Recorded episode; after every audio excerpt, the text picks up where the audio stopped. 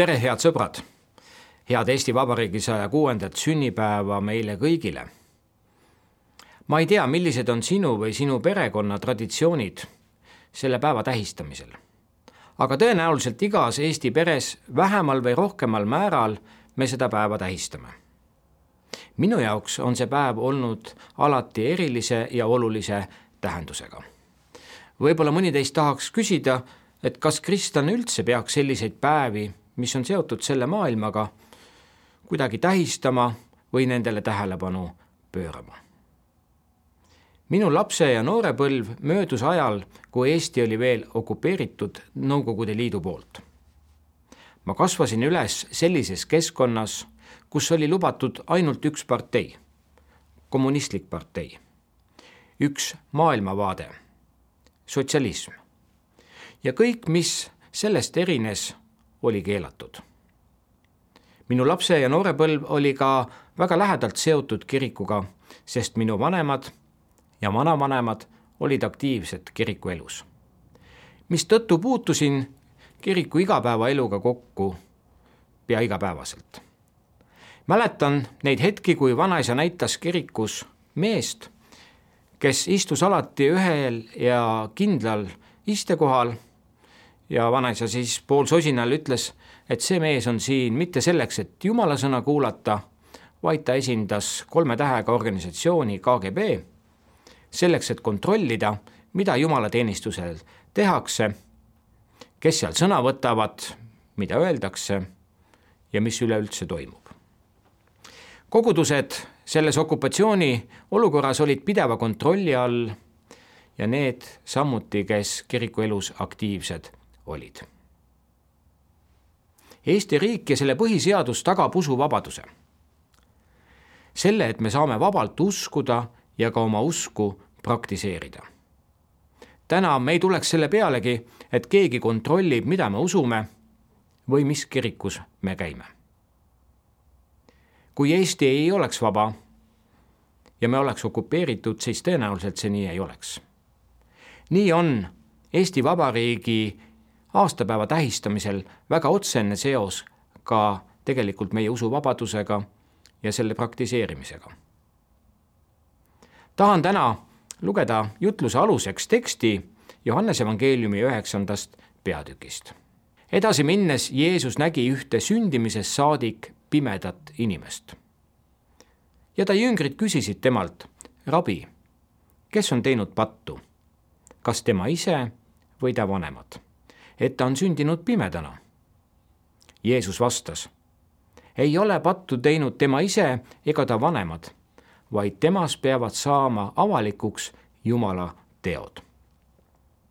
me peame tegema selle tegusid, kes minu on saatnud nii kaua, kui on päev. tuleb öö, mil ükski ei saa midagi teha.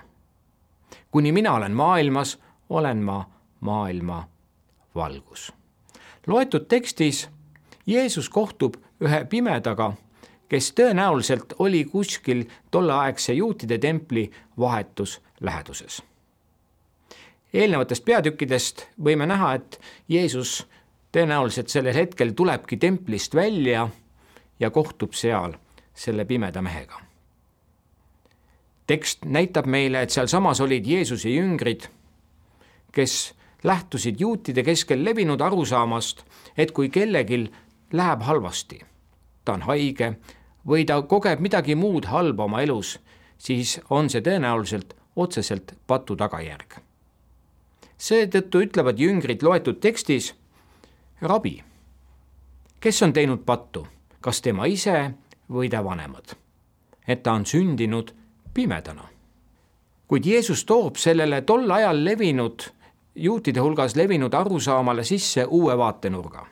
ta ütleb, ei ole pattu teinud tema ise ega tema vanemad, vaid temas peavad saama avalikuks Jumala teod. paistab, et Jeesus keskendub lahendusele, mitte probleemile. loomulikult on meie elus aeg-ajalt olukordi, kus vajame selgust, mis on ühe või teise olukorra põhjustanud või ka probleemi põhjustanud näiteks kui auto on liiva sisse kinni jäänud, siis tegelikult enam ei jäita süüdlase otsimine või arutelu, mis seda küll põhjustas. siis tuleb keskenduda sellele, mis aitab meil auto liiva seest välja saada. Jeesus ütleb, et see pime ise ega tema vanemad ei ole põhjustanud selle mehe pimedust. laiemalt vaadates võib öelda, et selline lähenemine on tohutult vabastav. Sest on olukordi, mida tuleb võtta nii, nagu see on, mitte otsida süüdlasi.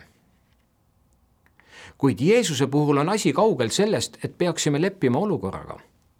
Jeesus läheb edasi ja ütleb, me peame tegema selle tegusid, kes minu on saatnud.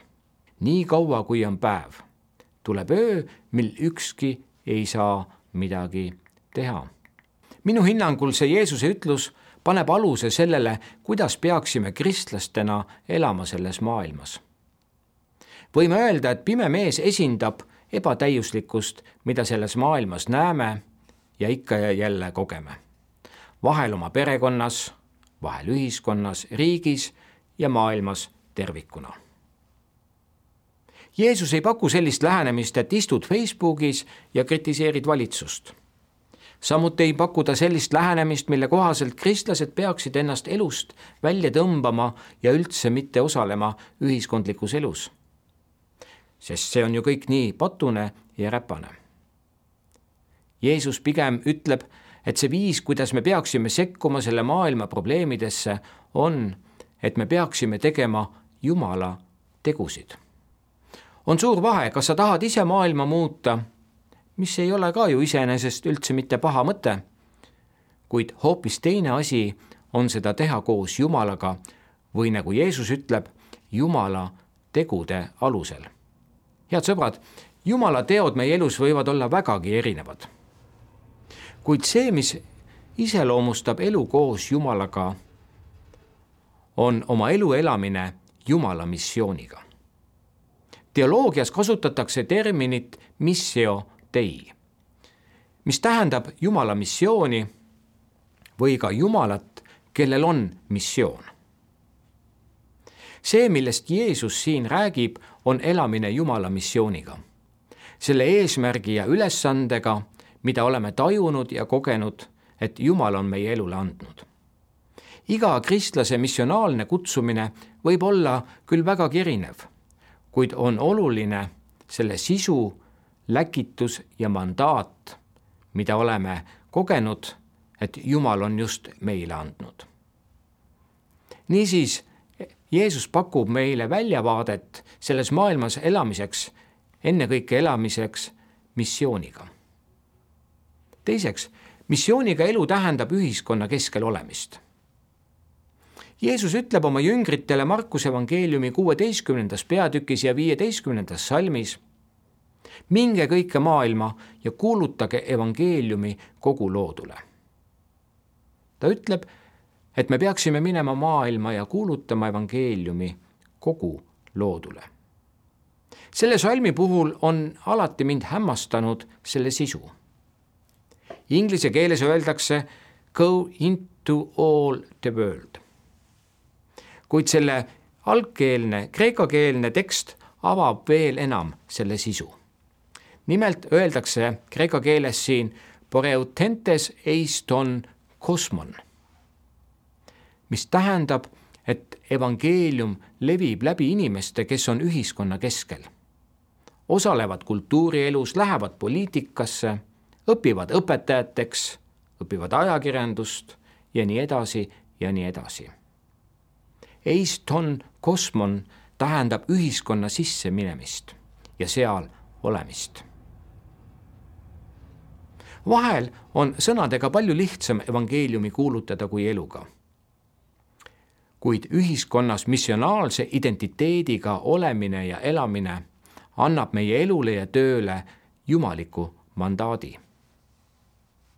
me näeme, et täna loetud tekstis Jeesus kohtas pimedat meest väljaspool templit. Ja nii saame ka meie osaleda Jumala tegudes, kui oleme väl-, valmis välja astuma oma templist, turvalisest paigast ja kohtama selle maailma probleeme ja väljakutseid. kolmandaks, elu koos Jumalaga iseloomustab see, et me kasutame neid võimalusi, mis on meie käes täna.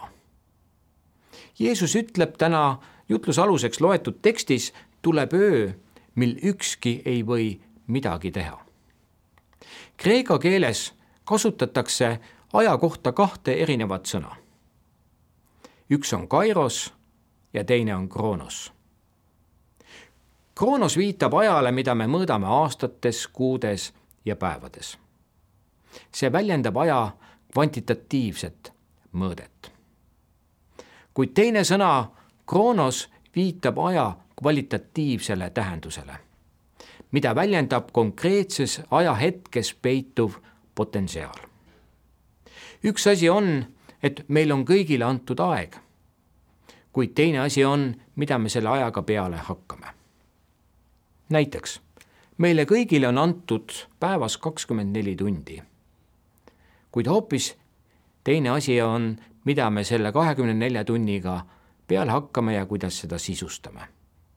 Jeesus ütleb, meil tuleb teha Jumala tegusid nii kaua, kui on päev. tuleb öö, mil ükski ei või midagi teha. mõned piibli uurijad arvavad, et see kuidagi viitas sellele ajale, mil Jeesus võetakse kinni ja ta kannatab meie eest. teised arvavad, et sellel on laiem mõõde. olgu sellega, kuidas on, kuid ma usun, meie jaoks kõneleb see ennekõike sellest, et meie kõigi kätte on antud Kairos aeg. iga päev, iga aasta, iga aastakümme või ka mingid konkreetsed eluetapid sisaldavad alati potentsiaali potentsiaali, mis meie jaoks on antud, et võiksime teha Jumala tegusid konkreetses kohas ja konkreetsete inimeste keskel. ja nende aegade äratunnetamine on minu hinnangul kriitilise tähtsusega. sellele viitab ka Jeesus, kui ta ütleb, me peaksime tegema Jumala tegusid nii kaua, kui on päevad, tuleb öö, mil me ei või enam midagi teha.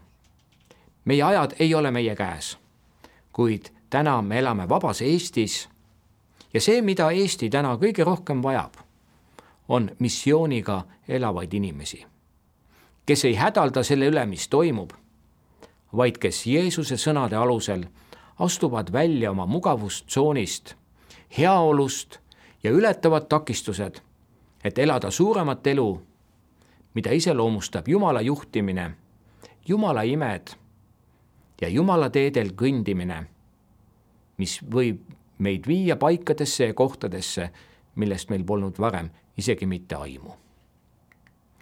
mind tohutult kõnetas kümme aastat tagasi Riias Dietrich Schindleri kõne, kus ta asetas iga kristlase otse kui peegli ette.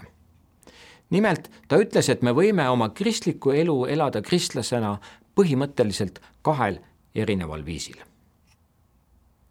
üks viis on see, et me teeme valmis oma nimekirja oma ideaalsest elust, kus on kirjas kõik meie soovitud asjad.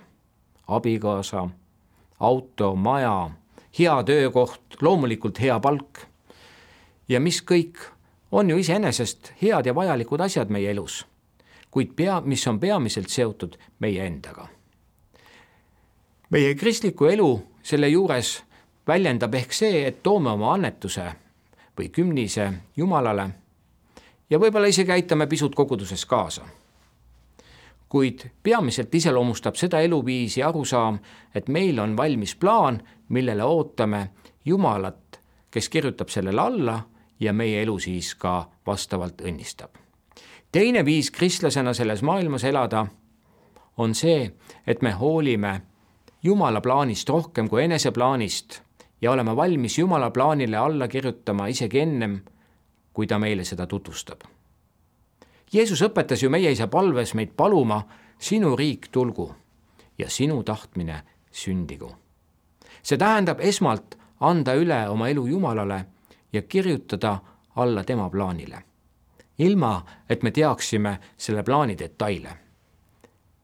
see tähendab usaldada Jumalat rohkem kui iseennast mis te arvate, kumb elustiil on Jumalale atraktiivsem?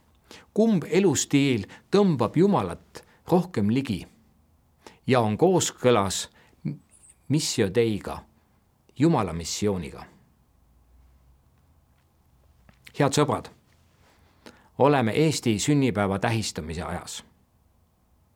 samal ajal on Ukraina rahvas võidelnud oma iseseisvuse eest kaks aastat. praegune olukord ei näi väga lootusrikas paistab, et maailmas ei ole lihtsalt üks pime mees, vaid kogu maailm on täis pimedaid mehi ja pimedus tahab meid ka enda alla matta. armsad sõbrad, ma olen täiesti veendunud, et Jeesuse eeskuju selles loos, kus ta kohtub pimeda mehega, ei ole meile ainult inspiratsiooniks, vaid ka eeskujuks, kuidas peaksime selle maailma ebatäiuslikkusele ja probleemidele reageerima. nimelt osalema Jumala tegudes, mida tema tahab teha läbi sinu ja minu.